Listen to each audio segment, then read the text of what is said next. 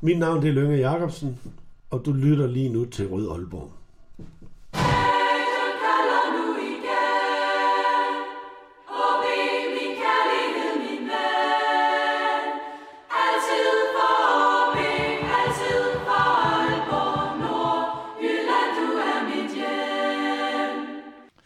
Velkommen til den særudgave af Rød Aalborg, en podcast om OB, produceret af OB Support Club. Mit navn er Lasse Udhegnet, og hvis du er en af de meget trofaste lyttere, eller bare hungrer efter OB-indhold her i den Superliga-fri periode, så har du tændt for udsendelsen her den 21. juni 2019. Og det er en dato, der er skæringsdag for øh, den gæst, jeg har i studiet i dag, og jeg synes øh, egentlig, at du skal have lov til selv at, at introducere dig og fortælle, hvad der skete den 21. juni for 24 år siden. Jeg fik debut i den daværende Dong Cup på Brøndby Stadion mod FC København og scorede et mål. OB var blevet mester 3-4 dage i forvejen. Der var en del tømmermændsramte OB-spillere på holdet, og jeg var en af de her unge gutter, der fik lov til at være med. Og hvis folk ikke kan høre det så er det Jesper Grønkær, vi har fået øh, i studiet til, øh, til en snak om din, øh, din OB-tid. Og nu er det spændende, om der er mange lytter, der hakker væk nu. For det er det i hvert fald fornemmet i årene, efter at jeg forlod OB. Men altså, nej, altså det, det er klart, OB fylder øh, en hel del for mig og min øh, ungdomstid, og, og var der, hvor jeg sådan så småt, du ved, fandt ud af, at, at fodbolden nok skulle være min levevej. Og det er, det er nemlig de tre år i OB og i ungdomsårene, vi skal snakke lidt om, og så øh, altså det er jo en OB-relateret radio, så hovedfokus kommer netop til at være på OB, men vi kommer nok på nogle afstikker, for vi kan nok ikke undgå lidt Ajax, lidt, lidt landshold og lidt FCK.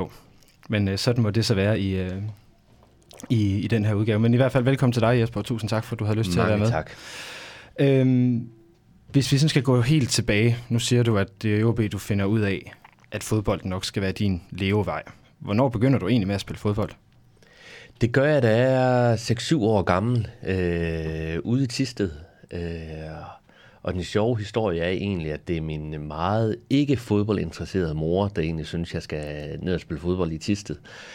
Det var min far øh, vel nok okay med, men han var ude fra Hanstholm. Øh, og jeg er fra en egen derude i Nordvestjylland i Thy, hvor øh, i hvert fald på daværende tidspunkt lokalpatriotismen for alvor havet.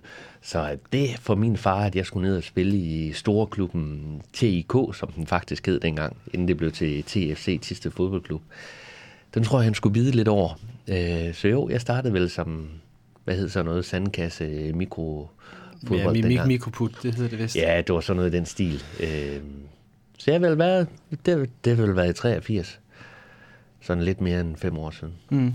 Og øh, hvornår finder du så ud af, at du faktisk kan lidt mere med bolden end, end dine holdkammerater? Jeg tror, jeg blev opmærksom på det sådan i allerede da jeg er sådan 10-11 år i Lilleput, gående op i drengerækkerne. Øh, det jeg nok bemærkede, det var, at jeg var meget hurtig for min alder. Øh, og det blev sidenhen også, hvad skal man sige, mit vareværk, og det der, tror jeg med stor sikkerhed egentlig har været grunden til, at jeg, jeg kunne blive professionel fodboldspiller, simpelthen fordi, at jeg grundlæggende var hurtigere end de andre. Jeg scorede mange mål, var angriber, en øh, rigtig nier, øh, løb i dybden, og så det var vel egentlig der, jeg sådan mærkede de første små glimt, men altså ikke, ikke sådan, at der var tanker om det, at det skulle være noget, noget vildere. Nej, fordi sådan som, som jeg har forstået det, så, øh, så var du heller ikke så vild med at skulle væk fra Tisted, da, de, da der begyndte at komme nogle lidt større klubber og, og rykke lidt i dig. Øhm, kan du prøve at sætte nogle ord på, hvad er det for nogle klubber, der kommer, og hvad er det for nogle ting, du tænker på det tidspunkt? Altså hvis jeg skal starte med tankerne omkring det, så, så var det egentlig, det var enormt øh, angstprovokerende. Øh, og det, der var angstprovokerende, det, er jo, at når man er fra en egen, som jeg er, hvor, hvor der er langt til den næste store klub, altså der skulle du køre 100 km op til Aalborg, 80 km ned til Holstebro. Viborg er vel øh, 100 km også. Så det at skulle spille i en anden klub, vil jo være ens betydende med, at jeg mere eller mindre skulle flytte.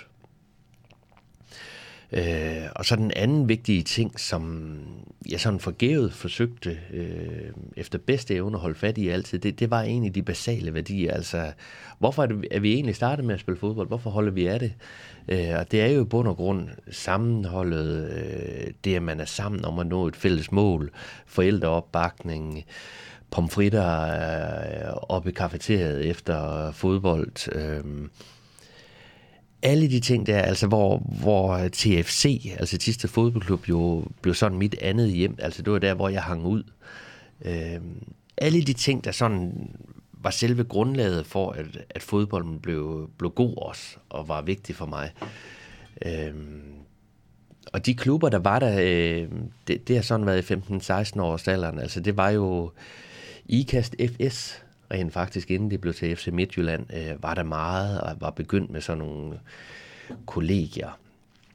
Sådan, jeg tror, hollandsk inspireret efter øh, de internater, der var i PSV Eindhoven, øh, især Ajax, Anderlecht dengang. Jamen, så var det OB, det var AGF, øh, OB, ja. Øh, tror jeg, jeg tror, det sådan var dem i Danmark. Øh, og så begyndte det sådan også der ved 15-16 års alderen, der kan jeg huske, der var opkald fra, fra Anderlecht. Øh, er det sådan, at der ringede på, på, på fastnetten derhjemme? De ringede på fastnetten hjemme ved min mor og far, og øh, min mor og far øh, har jeg ved Gud været rigtig glad for. Men engelsk var de ikke gode til.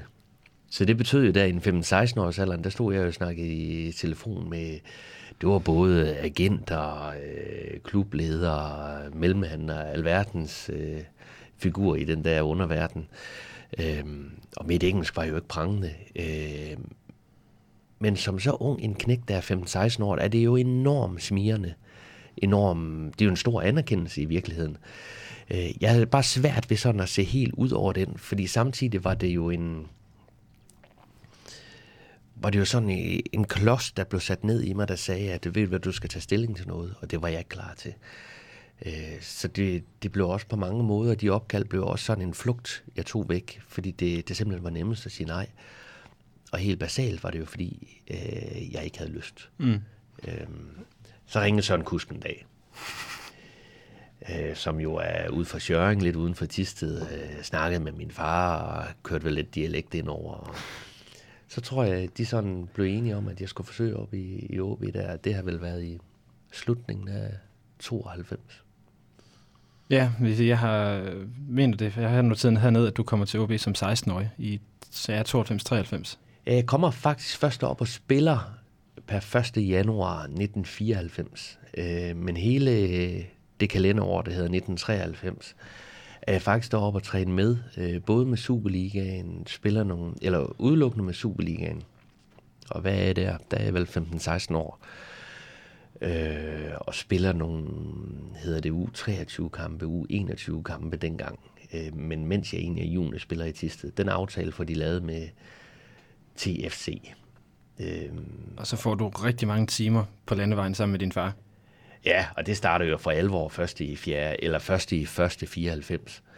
Øhm, og det sådan kuriøse ved det, det er jo, at jeg har et, øh, et job nede i Realkredit Danmark i, i, i, i Tisted som Piccoline bydreng. Øh, og der har jeg vel oparbejdet mig en, øh, en sådan god løn, synes jeg, på knap 3.000 om, øh, om måneden. Så i den her forhandling, om jeg skal til OB, det er jo min far, der styrer det. Øh, der blev det jo bare sagt, at han skal i hvert fald tjene det samme. Så min første kontrakt i OB er jo på 3.000 kroner. Øh, mener, det er fire par støvler, hvilket var jo helt vildt. Og min far må faktisk i den periode... Øh, øh, han er jo ikke ansat som sådan, men han, han kommer i hvert fald ind i en funktion, som øh, fordi han har jo et fuldtidsarbejde, altså han er jo på arbejde fra halv syv som slagter og kommer hjem klokken tre. Vi kører kvart i fire.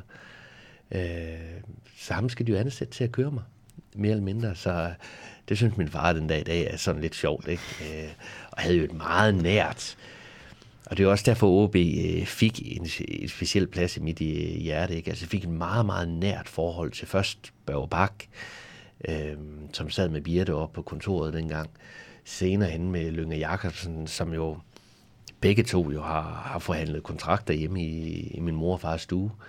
Øh, kan jeg komme tilbage til senere, også meget sjov historie, men øh, så på den måde var, blev min far og min familie jo egentlig inviteret indenfor i det her store univers, som AB jo virkelig var for mig, og ikke mindst det, at skulle flytte til Aalborg. Så det er som sagt de her mange timer på, på landevejen, der starter i, i 94. Øhm, hvordan er, eller hvad er det for en klub, du sådan kommer ind i? Hvad for nogle ord kan du sætte, uh, sætte på det OB dengang? Øh, fra en 16 års, øh, 16-årig dreng ud fra et sidste synspunkt, der kom jeg ind til øh, noget, der virkelig var professionelt. Og det er jo forstået på den måde, at de trænere, vi fik, var jo slet og ret bedre. Altså var bedre uddannet, øh, havde større erfaring. Og den første træner, jeg fik deroppe, var jo Paul Erik Christensen, som tidligere senere endte som faktisk assistenttræner. Og man ret mig lidt for, hvem det var i sin tid. Jeg tror at måske, det var Hans Bak. Øh, jeg er ikke helt sikker. Der var, var mange Paul Eriker. Ja, men det var Paul Erik Christensen, øh, og måske før din tid også, øh, en mand ude for års, øh, som havde meget, meget succes med ungdomsfodbolden. Endte som assistenttræner i nogle år, tre år, da i starten nullerne, vil jeg tro. Øh, Øhm, jeg kom jo til at spille med drenge, der kom over fra, fra Sæby, Sæby, ASO, Frederikshavn, Jørgen, Sindal, Randers, øh, ned fra Viborg, øh, og så mig selv ude for Tisted. Så det var en stor blanding, øh, der egentlig blev kørt ind, som jo skulle være OB's egne folk. Hvad skal man sige? I virkeligheden var det jo ikke helt. Fordi vi kom jo fra klubberne, og det er jo på en tid, hvor hvad skal man sige, et organiseret samarbejde med klubberne var i deres spæde start. Altså, så de, de ting, vi, vi, vi kender OB for i dag, altså det her hele Nordlands hold, der, der henter Nikolaj ja. Thomsen ned fra, eller fra Skagen og, ja, ja. og så videre, det er egentlig det, der starter sådan lidt mere organiseret med, ja, med og jeg, jeg skal ikke kan sige, om det startede før os, men det var i hvert fald min øh, oplevelse, at da, da jeg kom, altså, der, der var jo ikke ret mange, som havde spillet i OB, siden de var 8, så har de jo været i KFUM B52. Altså, du kan også tage med Jimmy Nielsen, Jakob Kryger, havde mm. været ude i B52. Øh, folk, der har været i Aalborg Freja, der er jo mange klubber. Mm. Øh, og mange af dem, som vi kender i dag som store OB KF'er, altså Ib Simonsen, øh, jeg ved faktisk ikke helt med Søren Torsten, Jan Pedersen, øh, de kommer jo fra andre klubber, de små klubber rundt omkring. Ikke? Ja, det gør de jo stadigvæk. Altså, hvis vi ser på OB's hold ja. i dag, Lukas Andersen er jo også oprindeligt Freja-spiller. Ja. Øhm, men hvordan er det, du får lov til at spille på yndlingeholdet, selvom du træner med Superligaen? Øh, hvordan er jeres yndlingehold i den periode her? Det er meget, meget godt. Øh, jeg er jo første års yndling, som det hed dengang i, i 94. Øh, havde et fantastisk kul. Øh, og der var jo rigtig mange af dem, jeg spillede på hold med, som senere hen fik kontrakt i OB, øh, Superliga-kampe og andre steder. Det er en René Broman, Thomas Bus, Jimmy Nielsen, Jakob Hermansen. Øh, der er rigtig mange af dem. Det er måske øh, spillere, hvor folk sidder lidt og lytter med nu og tænker, men pokker er de... Men de har faktisk øh, få Superliga-kampe, nogle af dem, og endte måske i første og anden divisionsklubber. Jimmy Nielsen selvfølgelig som værende den mest kendte. Øh, Når du var sådan på yndlingehold med Jimmy dengang? Ja, ja, det var jeg. Øh, og han var røg så også til Millwall og kom tilbage. Så Jimmy, han er jo helt klart den dag i dag øh, stadigvæk min kammerat. Øh, og min klare forbindelse til Aalborg, selvom han jo det er 10 år siden, han flyttede væk fra Danmark, ikke? og endnu længere tid siden, han var i, i Aalborg. Ikke? Ja, den smuttede i syv, hvad det ja, vist? Ja, øh, forbindelse til Jakob Kryger, altså min, jeg har stadigvæk forbindelser derop, øh, og også fra min handelsskoletid. Jeg havde jo to år på handelsskolen fra, fra sommeren 95 til jeg blev student i, i 97. Fantastisk tid i øvrigt. Mm. Man lærte også om Forenegade igen, kan jeg huske. Ja, det, det er sjovt, du lige nævner Jomfru Enegade, fordi at OB øh, blev jo så mester faktisk i, øh, i de sidste år som, som yndlinge. Ja. Øh, og det var noget med, at yndlingespillerne også var inde og fejre mesterskabet i Jomfru Enegade, har jeg læst mig til et sted. Ja, og jeg tror faktisk, hvis jeg... Det, det der jo sker lidt som er så et sjovt kuriosum i, i det der, det er jo, at jeg blev rykket op som seniorspiller i sommeren 95, hvor Sepp Piontek kommer til. Men jeg har jo absolut ingen andel i det mesterskab, der foregår i 95, for jeg spiller jo, får jo debut i kampen bagefter. Øh, men jeg er jo med på yndlingeholdet hele foråret, og er med til at kvalificere os til det, der hedder eliterækken der. Så Gud hjælpe mig, om yndlingeholdet ikke blev Danmarksmester i efteråret 95, omkring 1. november. Ja, så kan vi jo så lige tilføje, at øh, du smutter så fra OB i sommeren 98. Ja, ja. Som, som mesterskaberne, dem har du meget snilt. Dem har jeg sådan, øh, og det kan man jo så tænke lidt over. øh, nej, så jeg var jo heller ikke med. Jeg tror nok, jeg fik en medalje faktisk, øh, fordi jeg spillet 10 kampe det forår, men jeg havde jo ikke andel i det mesterskab, som yndlingene vandt i, i efteråret. Det var der mange af mine holdkammerater, både dem, som var senior, der var en del ældre, og så, øhm, hvad skal man sige, min, dem jeg jo mere var i overgang med. Det, det havde de sgu meget sjovt ud af. Jeg kunne da også godt se, at det var lidt pussy, ikke? Så jeg var mere eller mindre den eneste der i, som småvoksen i HB, der ikke havde et mesterskab det år. Sådan, for lige at trække det sådan lidt større linje op, er det egentlig noget, du, du ærger dig over, når du ser tilbage, at du, ikke, at du ikke var en del af nogle af de her mesterhold, der egentlig var i den periode? Ærger mig. Altså, jeg, jeg kan dårligt ære mig over det i 95, fordi jeg var 17, og jeg var jo ikke i nærheden af det her gode, gode 95-hold, ikke? Som, det, var, det var mere eller mindre, altså, kigger man på det hold, det var mere eller mindre 14 spillere, der vandt det, det mesterskab. Yndlingeholdet, ja, øh, selvfølgelig er jeg da det, fordi det, vi havde et rigtig, rigtig godt hold, havde et godt sammenhold, men samtidig ville det jo have betydet, øh, skulle jeg have vundet det mesterskab, så har jeg ikke været med i, i det Champions League, der foregik det efterår. Mm. Og havde jo nok også betydet, at, at de ledere, der var i OB, og, altså de havde jo nok ikke set mig som værende så god en spiller, at jeg skulle op. Øh, men det, altså nej, jeg vil ikke sige, det er ærger, men det, men det der var det lidt sjovt, og det er 99, øh, der var jeg jo selv væk. Altså der, der var jeg jo på en eller anden øh, rejse, øh, så, små, så småt ud i Europa, ikke? Øh, Og med grund til at spørge, at du, du trods alt noget at være en del af den her indledende opbygning under Hans Bakke og med Ståle, øh, som, som kommer ind et halvt år inden du forlader klubben. Så du ser jo nogle af de her tegninger, der er til... Øh, Ja, men jeg til havde godt nok ikke set, at de skulle vinde mesterskabet. Øh, det tror jeg heller ikke, der var mange øh, OB-fans, der sidder derude, som kan sådan for alvor huske det, fordi vores forår 98 er ikke prangende. nej, Øh, det, det bliver sådan lidt op og ned. Man fået købt Ståle ind der i februar. Men ja, hans bakke kommer jo ind, og, og i det små jo ændrer måden, som måske ikke så meget systemmæssigt, men måden, som man skal forsvare på som hold. Altså han, han fik jo lavet det OB-hold til et godt hold. Altså det, med, med en streg under hold, mm. øh, og dermed også spillerne bedre. Hvorimod, øh, jeg var jo selv ung og var en luksusspiller, ikke? Altså, jeg blomstrede jo lidt for mig selv og ude på kanten, og men jeg tror, i mange af de spillere, der, der kom, og det, der, der var jo nogle vilde indkøb det sommer, for det er jo også en del af historien i det, ikke? Øh, At man køber um, Matovak, Andersen, Strandli, mener jeg. Strandli kommer i vinteren, efter at, øh, eller vinteren 98-99. Ja, så det blev jo købt nogle, nogle udlændinge ind. Ja, og det, så, det er sådan, angriberen, det er Dan Salin, mener jeg. ja, bliver som blev skadet også. Ja. ja. Men i hvert fald historien er jo også, at de spillere, der faktisk blev købt ind i den periode, som er udlændinge, gør det jo bare godt. Mm. Og det, det, det er en meget, meget vigtig historie om dansk fodbold også. Det, det er, at de udlændinge, vi sådan, vil jeg da i hvert fald slå sådan i bordet med, at det, det skal være nogen, der forstærker os. Og der gjorde OB det godt. Øh, og samtidig med, så løftede spillere som Jimmy Nielsen øh, blev lige pludselig en rigtig, rigtig god Superliga-målmand. Øh, og der var Jens Jessen øh, i takt med, jeg mener, han var anfører faktisk Ja. øh, blev jo også en profil i Superligaen. Så der var jo også nogle af de her OB-spillere, der simpelthen løftede deres niveau. Øh, og i al den her snak, som vi... Vi går jo hele tiden også i det job, jeg sidder i i dag. At vi sidder jo hele tiden og siger, at hvis en klub har problemer, ikke, jamen de skal ud og købe noget. Mm.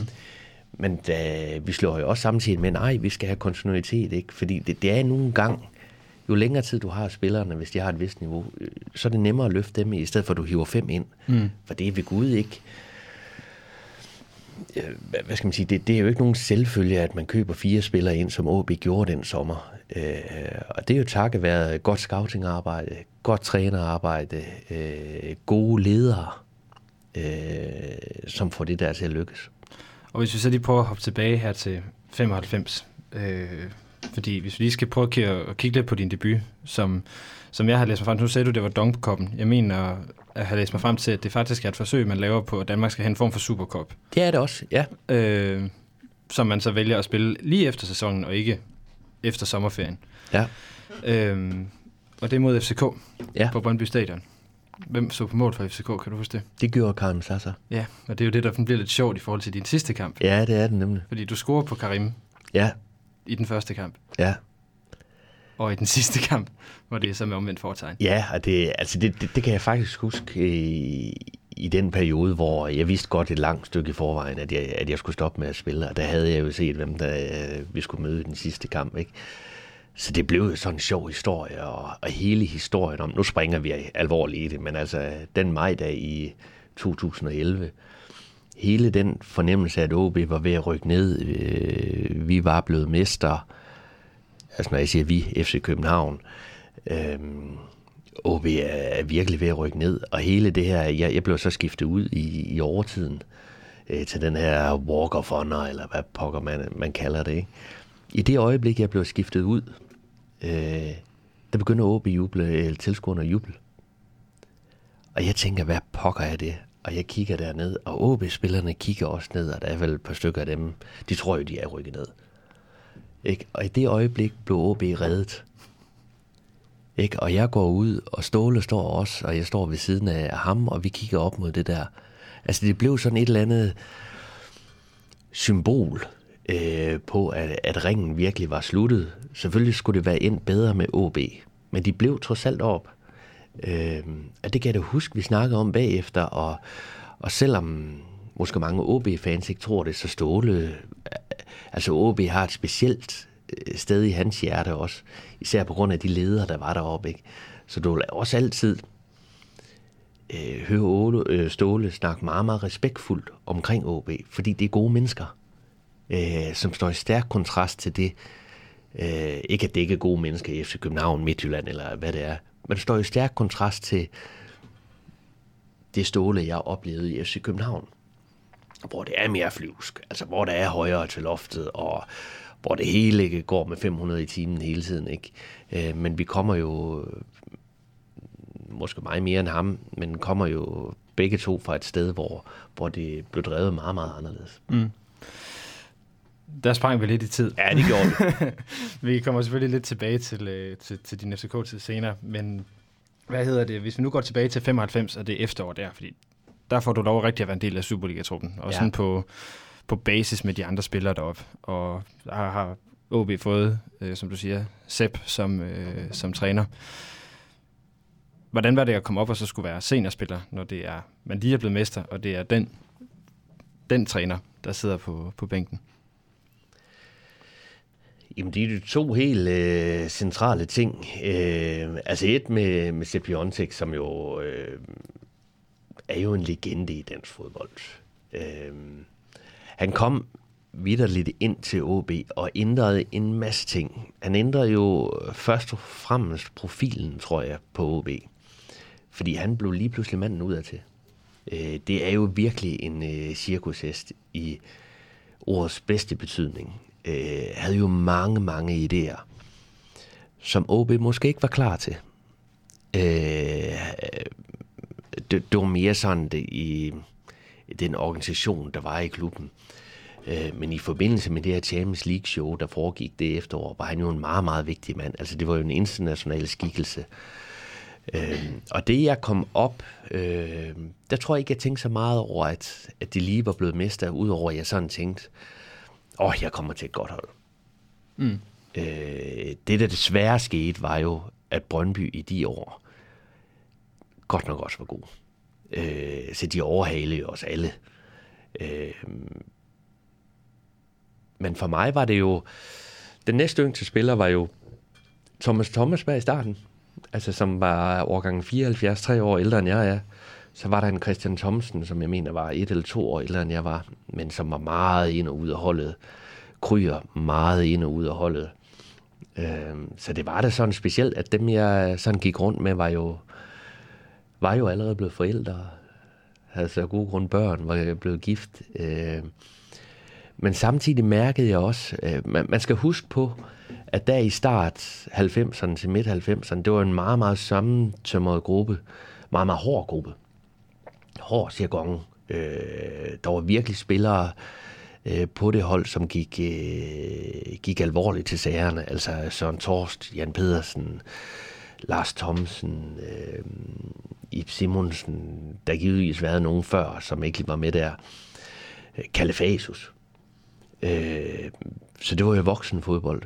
Men jeg mærkede faktisk også, at det, det nok, var nok min store glæde, at jeg blev på en eller anden måde, ikke deres maskot, men jeg blev nok, de passer sgu på mig. Øh, kunne jeg godt mærke, at det her det var en dreng, der kom fra Tiste, der var helt rundt på gulvet, øh, var på handelsskole, boede på 27 kvadratmeter over i Annebehus over for, for Aalborg Stadion. Så jeg havde det faktisk godt, og især, øh, ja, det er lige før jeg ikke vil nævne nogen frem for andre, men altså Kalifasius var jo ude fra Kolby ude i, i Thy. Øhm, så han holdt nok et lidt ekstra øje med mig, ikke? Som, selvom han var en hård gut. Øhm, Søren Torst, som godt nok var det korsbåndet, der røg på ham. Øh, øh, var jo nogle søde og rare drenge. Jan Pedersen øh, boede jeg skråt overfor.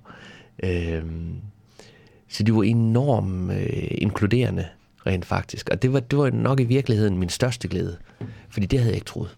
Jeg troede, det havde været meget svært. Så det blev, det blev faktisk ret trygt at være på holdet, på trods af, at det var den her lidt hårde jargon? Eller? Ja, det blev trygt. Øh, det gjorde det, men jeg lærte også. Jeg fik også nogen over snuden, ikke? Øh, og jeg kan huske, nogle af trænerne øh, sådan tog mig til siden. Det var en, var det en Per Vestergaard, som senere blev cheftræner, Søren Kusk. Nogle af spillerne hævde mig til side sagde, men det, det vigtigste, Jesper, det skulle du altså vide, du bliver nødt til at skal følge din mand. Ja, det passede altså ikke en 17-årig knæk, der var luksusspiller, der bare skulle ligge og drible og lave alle de skete ting, ikke? Men det var sådan nogle små ting, og med det mener man jo egentlig, at du skal være en del af et hold. Mm.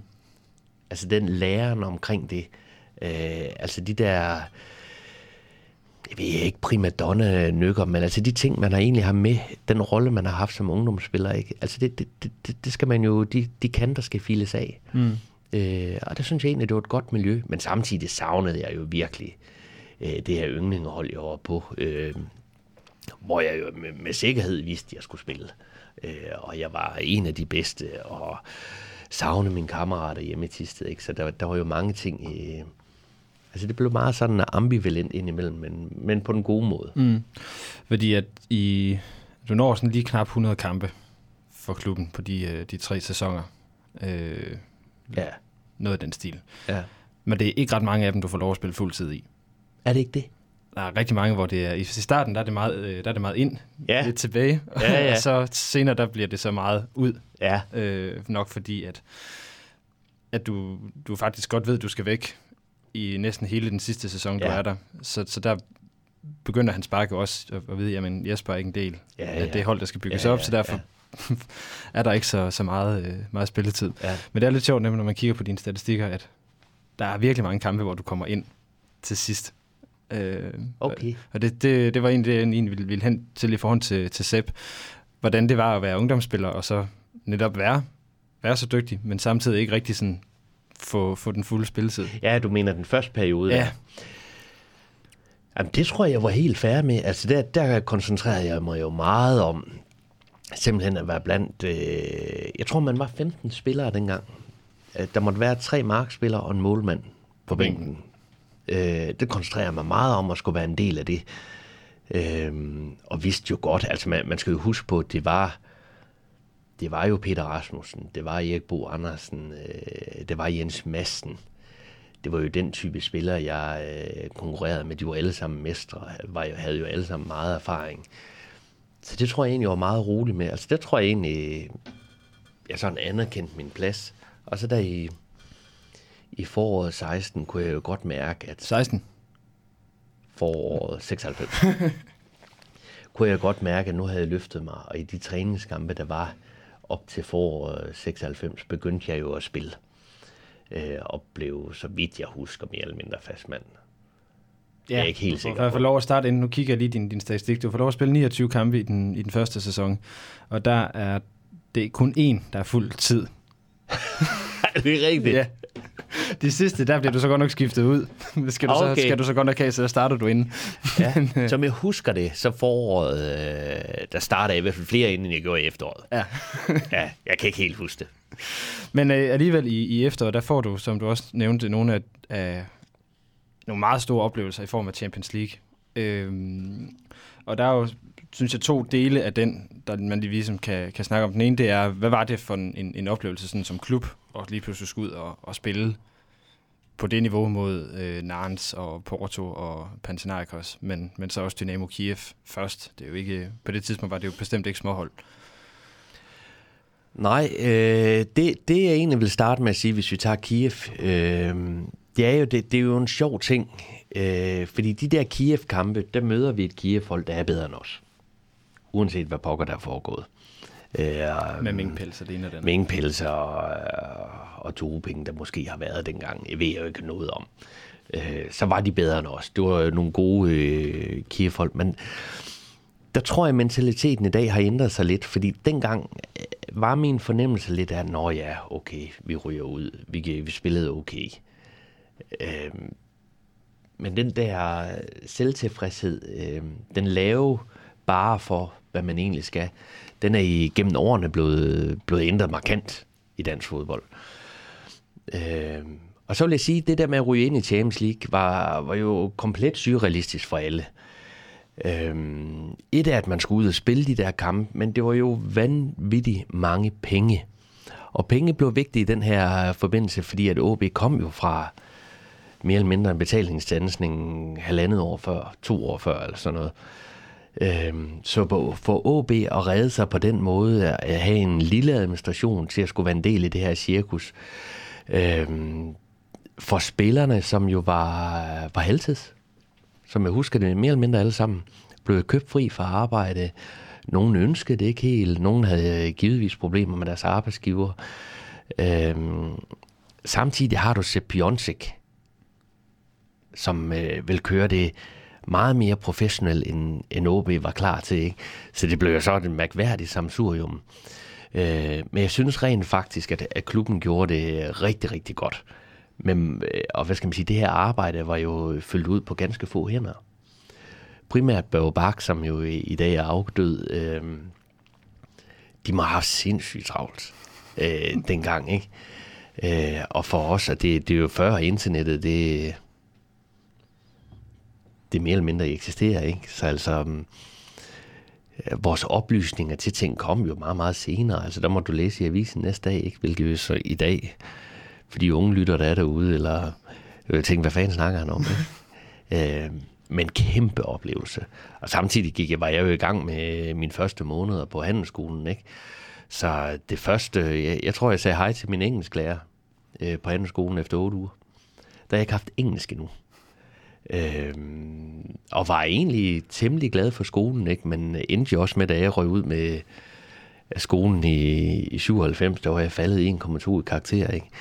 Fordi at fodbolden fyldte så meget, fordi at Jomfru Anegade nok var blevet interessant, øh, og hvad det nu sker i de år der fra, fra 16 til 19-20 år. Ikke? Øhm, så altså sindssygt spændende, altså det, for mig som værende øh, omkring de der 18 år, bare, var det jo så vildt. Altså det, det, det, det blev sådan en parallel bane, der kører ved siden af, hvad skal man sige, den del, som var Jesper, som gik i skole og um, skulle have en uddannelse, og det ophav, som jeg havde, til det andet spor, som var jo meget, meget professionelt, seriøst, øh, meget elitært, øh, konkurrencepræget, rejst rundt omkring i, i verden, ikke? Øh, og få dem mixet sammen i det der efterår, og egentlig falde, øh, hvad skal man sige, falde ned på jorden, op i den her 27 kvadratmeters lejlighed øh, på behus, skulle lære at lave mad. Altså, øh, vi snakker om en dreng, som aldrig har set en kyllingefilet før. Øh, han flyttede hjemmefra, ikke? Uh, når jeg tænker på det, så var det jo vildt. Altså, jeg sad med, med eksbussen hjem til Tisted, ikke? Om fredagen, når vi spillede Champions League. Jeg havde spillet det om onsdagen, ikke? Altså, det var i virkeligheden dengang. at den er, det lyder lidt, lidt kontrastfyldt i forhold til, hvad man kunne forestille sig, det har været i dag. Øh, lige apropos, øh, hvor skulle lære med, der er jo der er skrevet en, øh, en biografi om dig af Niels Finderup, hvor der er et øh, meget fantastisk billede af dig og Jimmy øh, og Jakob Kryer, der står i gang med noget tomatsovs ude i køkken, op på, øh, hvad jeg formoder er Anneberg Hus. Og det ved jeg faktisk ikke. Øh, jeg kender godt til bogen. Det skal siges, det er en bog, som jeg ikke selv er en del af og jeg har faktisk ikke læst den. Øh, historien måske omkring det billede, det var jo, at Jimmy, han, Jimmy Nielsen, han flyttede jo også hjem. Kom han i vinteren 95-96, flyttede ind i Christiansgade i, i Aalborg. Kryer var flyttet hjemmefra, boede ude i økvarteret. Der var ingen af os, der kunne lave mad, ikke? Så vi stod jo og lavede mad selv. Øh, og havde meget, meget sjov ud af det. Øh, holdt meget til inde på Klostertorvet i, øh, i Aalborg også. Altså, vi hang virkelig sammen, og i dag har vi stadigvæk øh, kontakt, og i dag er det mere sådan en julefrokost, idrætsdag. Øh. Men jo, ganske givet øh, kan der findes mange sjove billeder dengang fra, og med sjovt hår i garanteret også. Og tøj. ja, det vil jeg tro. Men hvis vi, øh, hvis vi hopper tilbage til kampene, fordi det, som der nok står klarest for sådan, den, sin danske fodboldhistorie, er jo sejren over Panathinaikos på hjemmebane, hvor du kommer ind i ja, slutningen af kampen, og så også er, er med i en ret afgørende aktion. Øh, kan du huske kampen, og, og hvad det er, der, der sker der til sidst? Ja, det kan jeg godt. Øh, jeg startede jo ud, som jeg jo altid gjorde der, øh, og havde jo relativt hurtigt fået sådan en rolle med at komme ind alt fra 30 minutter til 5 minutter igen og skulle forsøge at lave et eller andet, og havde måske scoret et enkelt mål og et par assist. Og det, der sker i Panathinaikos-kampen, som jeg husker det faktisk, øh, blev jeg brugt som indskifter som angriber. Men en eller anden årsag var jeg endt ude på kanten her. Øh, venstre side. Venstre side, og jeg var jo hurtig, øh, men på daværende tidspunkt var jeg ikke en kantspiller. Det kom for senere, nogle måneder senere. Øh, og det var vel lidt mere Øh, altså det, det var en blanding af nervøsitet, tilskuernes råben, et godt resultat, øh, en bonus til spillerne, øh, og så den her aktion, som en, øh, en meget, meget stor husmandsfinde, som det hed dengang. Øh, og Jens Madsen, som var jo god til de her løb, som vi i dag hele tiden snakker om, med boks til boks midtbanespillere, og så kom i anden række som som Kasper Riesgaard faktisk senere blev øh, også meget, meget kendt for at score sin mål. Det var Jens Madsen også god til. Øh, og så det her mål, og som jo skrev OB sådan international på, på landkortet, ikke? Altså fik point i Champions League, ikke? Øhm, og bygge jo på mange måder videre på den historie, der var skrevet i, i, i foråret 95 med mesterskabet, ikke? Øhm, så det var meget, meget stort. Altså, det er sådan, jeg husker det, og en eufori i Aalborg og i klubben, og en glæde omkring. Og jeg blev ved med at vende tilbage til pengene i det her, og det, det, det er simpelthen fordi, at man skal forstå, at OB var ved at lukke. Det ved jeg ikke helt, om det var, men det var fornemmelsen, der var dengang. Der var simpelthen ikke folk ansat. Øh, folk arbejdede, øh, stod med hånden, eller hatten i hånden ude ved Bilka, ikke? Og Øh, Øh, så jeg, jeg husker det som om, at det var meget, meget vigtigt for lederne også, og den her administration, at nu er der faktisk noget at bygge på. Så det, det var meget, meget kontrastfyldt til, hvad der foregik før, og så det her, det foregik to år efter, ikke? Øhm, og var med til sådan at etablere OB igen og skabe en sikkerhed i, i Nordjylland omkring OB. Er der andre af de der Champions League-oplevelser, der sådan stikker ud? Altså Panathinaikos kamp er selvfølgelig lidt åbenlyst, fordi I vinder den på hjemmebane. Men er der nogle af de tre andre, eller de fem andre kampe, der sådan... Ja, det er det. Altså, der, der, der er ved, ved faktisk vil jeg sige alle udekampene, men det jeg egentlig husker bedst fra dem, et er, at Jakob Kryer mand scorer efter 30 sekunder i Athen. Og det skal jeg næsten have med. Hvis han skulle lytte med til det her også, ikke? Det har vi haft meget sjov af bagefter. Øh, Øh, men så det, og på de her udebanestadion, så var det rent faktisk, når vi stod ude på banen inden kampen, om det var halvanden, to timer før, og så når vi så, jeg mener faktisk, de var kørt med bus ned til Narns, de her OB-fans, ikke? Når de så kom igennem ind på stadion deroppe med, de var jo ikke ret mange. Altså, jeg kan ikke huske det. 50, 100, 200, ikke?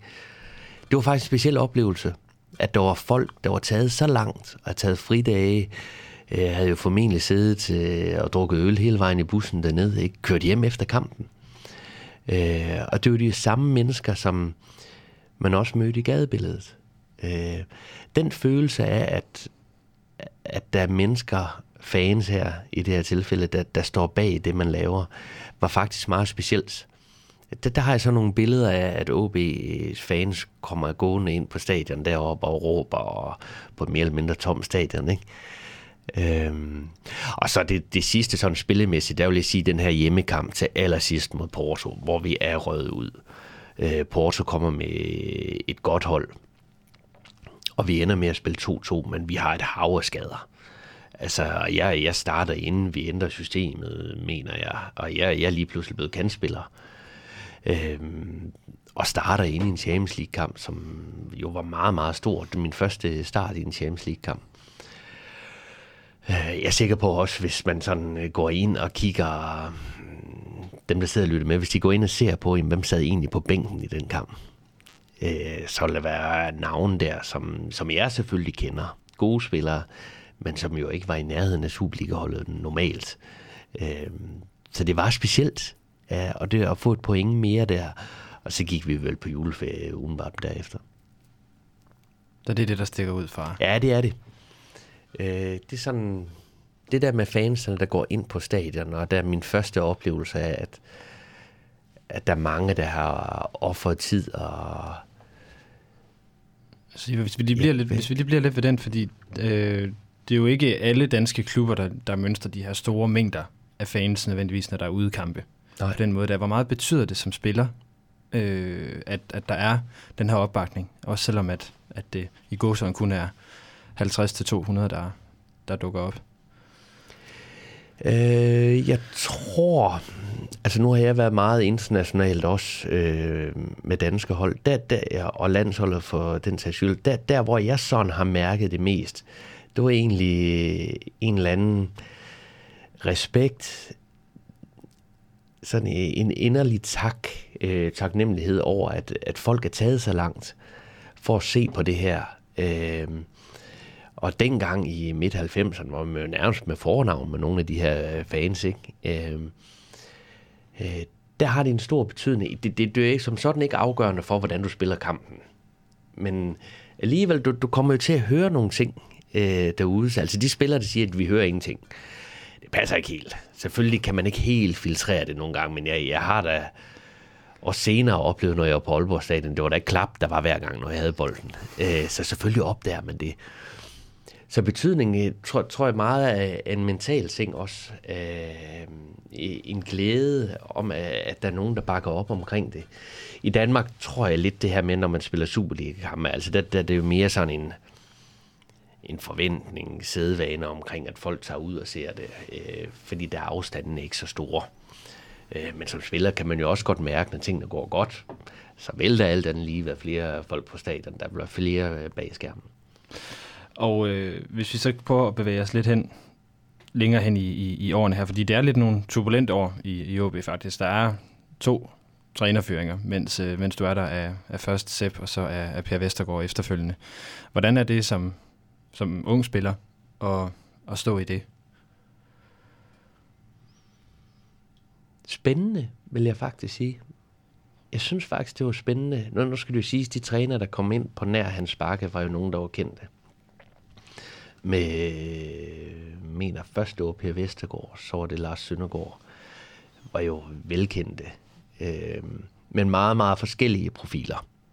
Per Vestergaard, som jo nok minder mere om Paul Erik Andreasen. Øh, meget, meget rolig mand. Øh, Lars Søndergaard med stort temperament, øh, som jeg var meget, meget glad for, til, til trods jeg kun havde ham i, i otte kampe. Øh, nok også fordi jeg som menneske og, og spiller havde brug for en, der det virkelig skubbede mig afsted.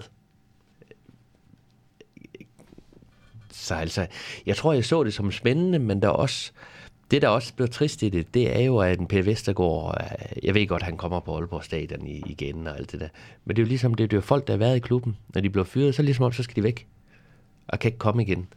Og det er jo egentlig noget mærkeligt noget. Fordi de, Per Vestergaard, Lars Søndergaard, han blev så ikke fyret, mener jeg ikke. Nej, han, øh, han blev så bare assistent for hans ja. Øh, han blev fyret senere. Ja, han blev fyret senere. Ikke? Og det er sådan lidt noget mærkeligt noget, fordi det, det, Lars Søndergaard, ikke? han har spillet fodbold, da Danmark ser være træner, for alverdens hold, ikke? Og så ligesom om, når man er blevet fyret, ikke, så er den, du er ikke væk. Og sådan er det jo ikke. Fordi han har gjort et stort stykke arbejde og været rigtig god. Mange har været glade for ham. Men for at vende tilbage til spørgsmålet, jeg tror, jeg så det som spændende. Jeg så det som en del af, sådan her er rigtig fodbold. Øh, lige så vel som når, når fans og vi to, som begge er i mediebranchen, ikke, øh, vi hele tiden står uge efter, nu skal der ske noget. Vi skal have en trænefyring, vi skal have nye spillere. Det er ikke godt nok, ikke? Det er jo sådan, vi tit reagerer, ikke? Mm. Øh, og sådan tror jeg da også, dengang jeg tænkte, det skulle da spændende det her. Men det er jo bare ikke altid løsningen. Nej, men var det det dengang? Jeg tror, der hvor, det er nemt at sidde og sige nu, jeg tror, det der med, at man hævede hans bakke ind efter de år efter Paul Erik Andreasen, når man nu træffede de valg, man gjorde, var jo nok rigtig set. At få noget inspiration udefra, øh, udefra Øh, det tror jeg var vigtigt for OB også. Fordi altså, det er jo heller ingen hemmelighed, at, at OB er Nordjyllands klub. Øh, tit der finder man afløserne internt.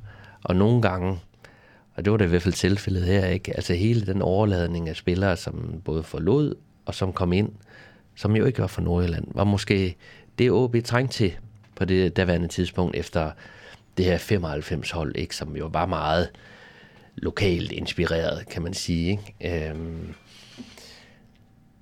men løsningen generelt vil jeg sige, det, det der med at fyre en træner, øhm, det er jo farligt, fordi øh, du ved simpelthen ikke, hvad der sker bagefter. Øh, og det er jo store, store beslutninger, en, for eksempel en Allan Gård, der skulle sidde med i OB, Thomas Bælum, ikke? Fordi altså, vi ved jo bare, at der skal reageres. Øh, de kan ikke, det er jo den klassiske, men du kan ikke få spillerne væk. Men det står jo en stor opgave for, for en Allan Gorte så. Ikke fordi han, han skal jo også få fat i de her spillere i samarbejde med en træner, scouts, ikke? og hvordan pokker rammer man rigtigt, ikke? For i det segment, hvor man handler, nu går vi ud af en tangent, men altså i det mm. segment, hvor mere eller mindre alle danske klubber handler i, på nær FC Midtjylland, Brøndby måske, og FC København, det er jo et, segment, hvor der er så mange potentielle øh, mulige handlere. Så der skal du virkelig øh, have set godt efter. Og, fordi i det, i det der mængde fra 0 til 8 millioner, ikke? Altså det, det er jo mange, mange lande, øh, som vi ikke ser. Altså vi, der er jo ingen, der siger, at når, når du henter en, en topscorer fra den næstbedste hollandske række op til Danmark, at det bare blev en profil. Men vi forventer det næsten. Det skal det være. Men sådan er virkeligheden jo ikke. Altså, når du finder en tysk reservespiller, ligesom øh, Mukhtar nede i Benfica, der er jo ingen, der siger, hvorfor pokker han skal blive profil i den Superliga. Det blev han så. Øh, men det vil jeg egentlig sige, det, det er bare så sindssygt svært øh, for danske klubber at ramme rigtigt øh, i det segment der. Men hvad gør man så som trup og som spiller, når der kommer en trænerføring? Fordi, som du siger, spillerne kan jo ikke komme væk. Altså, det kan godt være, at Sepp forsvandt, og Per Vestergaard forsvandt, men det gjorde du ikke. I hvert fald ikke lige med det første. Nej, altså jeg tror, jeg, øh, du kan sige, grundlæggende har vi jo alle sammen øh, som spiller en kontrakt, vi kan holde fast i. Mm. Så udenbart betyder det ikke noget. Vi har stadigvæk et arbejde, øh, der kommer løn til den første. Der vil altid være spillere, der sidder derude, både dem, der spiller fast faktisk, men også dem, der sidder på bænken, og tænker, det er godt, vi kommer af med ham. Mm. Vi kunne ikke lide hans træning, øh, hans mandskabspleje. Øh, andre vil have den på den anden måde. Men det, der altid sker, når der kommer en træner ind, øh, han kan typisk ikke nå at træne så meget med spillerne, så han vil køre igen de første kampe med det, der egentlig har været før. Der vil måske være en enkelt justering. Men for mange af dem, der står i periferien, øh, hvad skal du sige, fra, fra 14 måske op til 25, som måske ligger mere eller mindre i samme niveau, øh, der vil være nogen, der popper op, og der vil være en præference ved en træner for, for en given spiller. Der kan være noget personlighedsmæssigt også. Øh, det kan være en spiller som mig, hvis jeg skal tage udgangspunkt i det, som ikke var et god defensivt. Det var måske god offensivt, men der var måske ikke nok slutprodukt på. Der vil du finde trænere, det kunne have været en Hans Bakke. Sige, ved du jeg kan simpelthen ikke bruge Jesper lige nu. Fordi han passer ikke ind i den måde, øh, jeg vil spille på. Det er godt hvad han passer om tre måneder. Og der ryger det jo ud. Og som spiller er det, det er jo både, når du kommer ind og ud, kan det være mentalt svært. Fordi det, det altså der, der vil mange spillere jo være paranoide omkring det og sige, at træner kan ikke lide mig. det er sjældent, det er sådan. Altså, det er, det er jo som regel, fordi man ikke er god nok. Mm. Øhm, så det er faktisk en svær proces at, at være i, fordi vi, vi har jo netop ikke et andet job, vi går ud i, hvor vi kan få afladet for, uh, for de frustrationer, der, der kan være i det. Men hvad, øh, hvad, hvad, har, hvad var det for, for, for dig så som spiller, at så sige, jamen okay, kan jeg godt leve med det i forhold til den udvikling, jeg er i gang med? At jeg så skal være ude i nogle måneder? Jeg tror, jeg fisker lidt efter, hvordan man... Men så, du siger, det er en mental udfordring. Hvad er det, eller hvad gjorde du som, som ung spiller for at, at håndtere det? Det prøvede jeg så faktisk ikke i OB. Øh, på den måde at være ude i flere måneder. Øh, sad måske på bænken indimellem med Per Vestergaard og Hans Bakke. Men der var jeg jo på vej væk. Jeg prøvede det faktisk ikke der. Jeg prøvede det i Ajax. Mm. Der prøvede jeg simpelthen at være udenfor.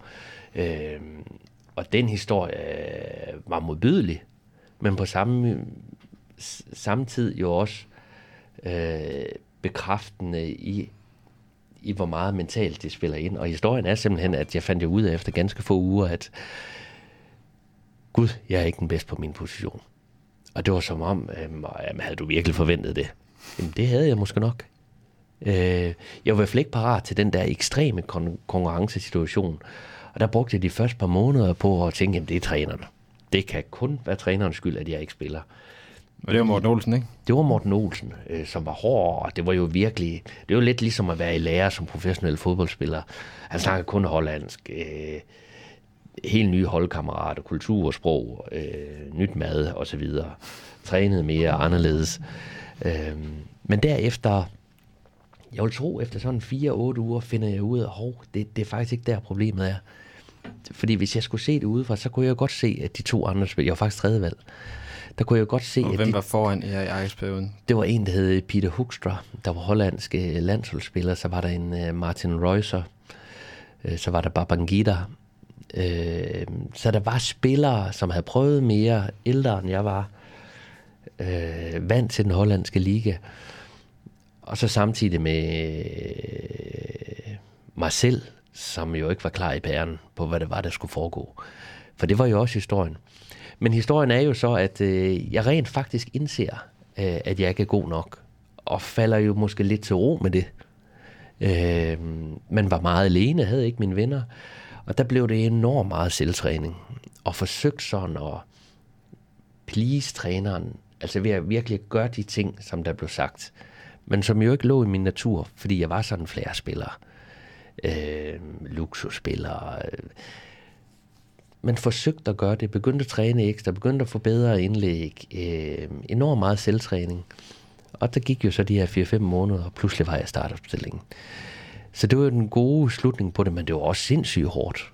Øh, og jeg kan da huske, Børge Bak, han ringede ned til mig, øh, tidligere administrerende direktør, øh, og spurgte til mig jo.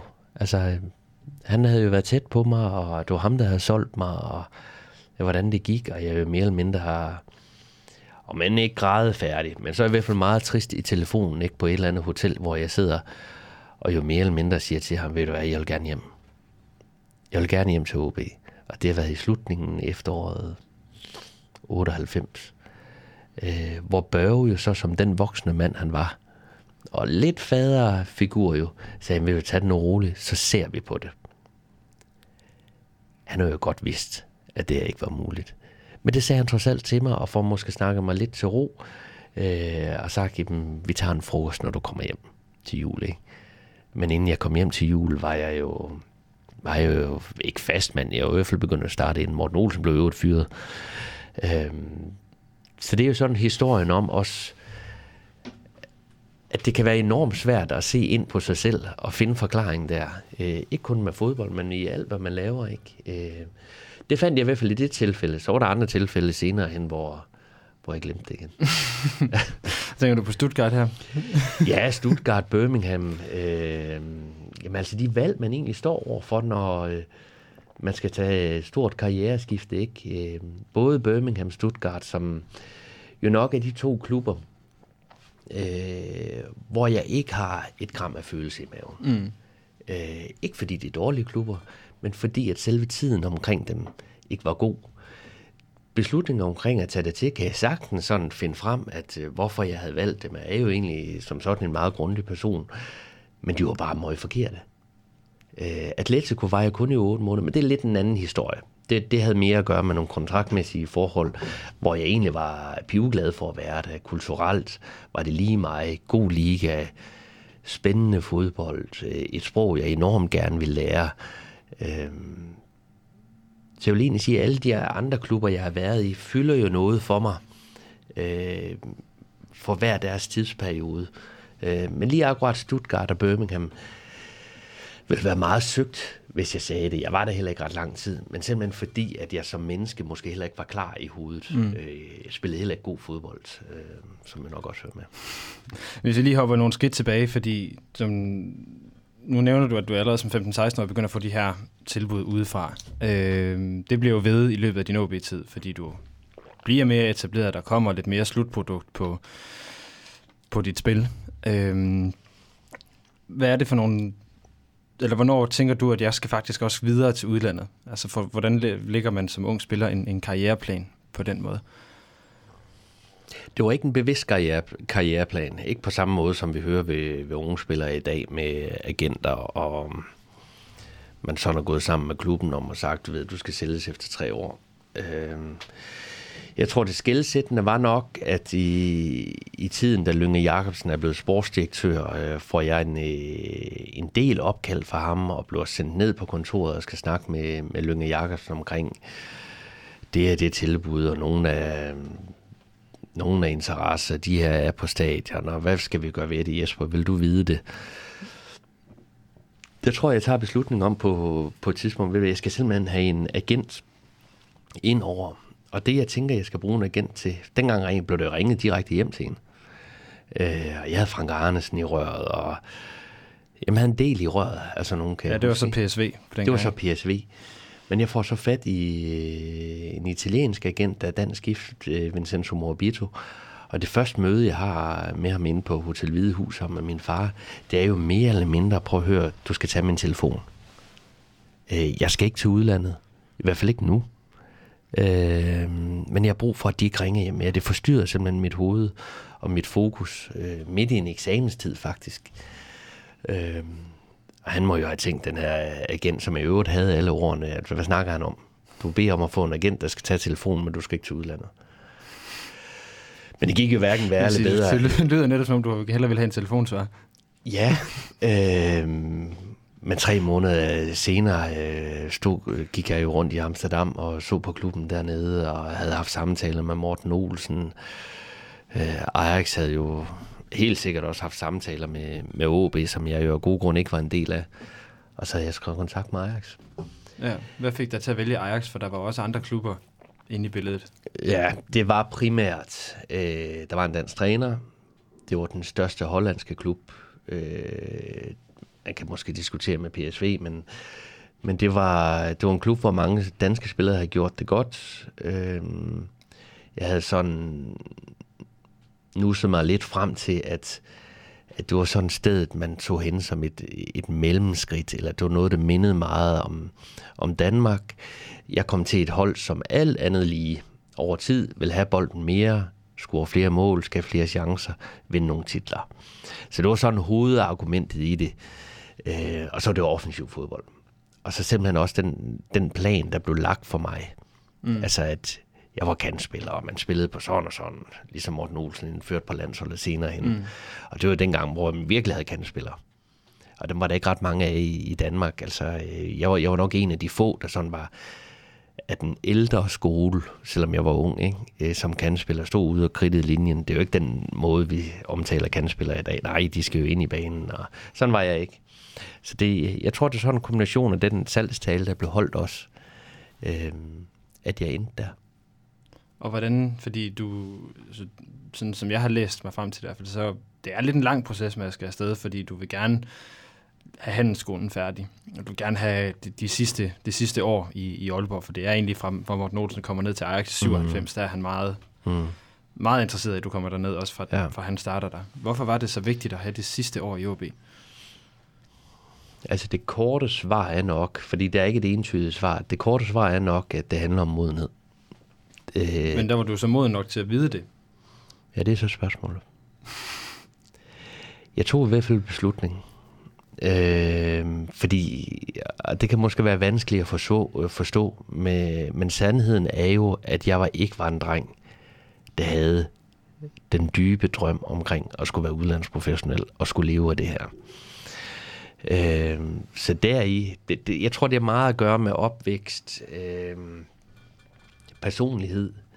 Øh, jeg synes jo stadigvæk, helt indtil jeg sluttede også, og stadigvæk den dag i dag, kan jeg synes, det er lidt en aparte situation, den der med at blive genkendt. Øh, hele tiden skal stå til regnskab. Øh, det ikke at kan være anonym, det er meget, meget nemmere i dag jo.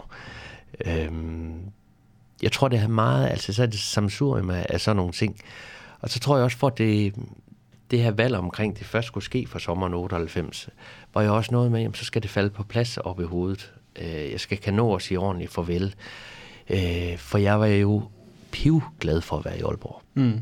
Altså, jeg kunne jo ikke se andre steder, end at skulle være deroppe. Det var der, hvor jeg havde min, min gode ungdomsår, hvor der sker mange ting uden for fodbolden. Jeg blev student, fik gode kammerater. Samtidig havde jeg jo, hvad skal man sige, min, min trygge base, om man vil, hjemme i Tisted. Altså, så tror jeg, som ikke andet lige var, var forhold, altså, jeg ved godt 100 km, men trods alt var til at komme til. Ja, men jeg, jeg, tror, jeg tror bare, at der i den, den alder der fra 17 til 19, hvor øh, inden jeg skrev kontrakt med Ajax, altså det, det er ikke den følelse, jeg havde. Øh, og så kan man sige, at det, det kan være svært at forstå. Jamen det var bare sådan, det var. Øh, og det vil jeg egentlig ikke snakke udenom, fordi det, det var den virkelighed, som jeg, jeg oplevede, på trods af rådgivning og, og det ene og det andet. Ikke? Og derfor øh, oplevede jeg jo også i starten af, af min tid i Amsterdam enorm hjemme. Helt enorm. Øh, og havde svært ved at være i det, jeg skulle være professionel fodboldspiller, og at det kun var det. Du har den her sådan fortælling på, tid, på et tidspunkt, jeg kan ikke huske, hvor det er henne, men om den her hoteldør, der lukker, ja. da du kommer derned. Ja.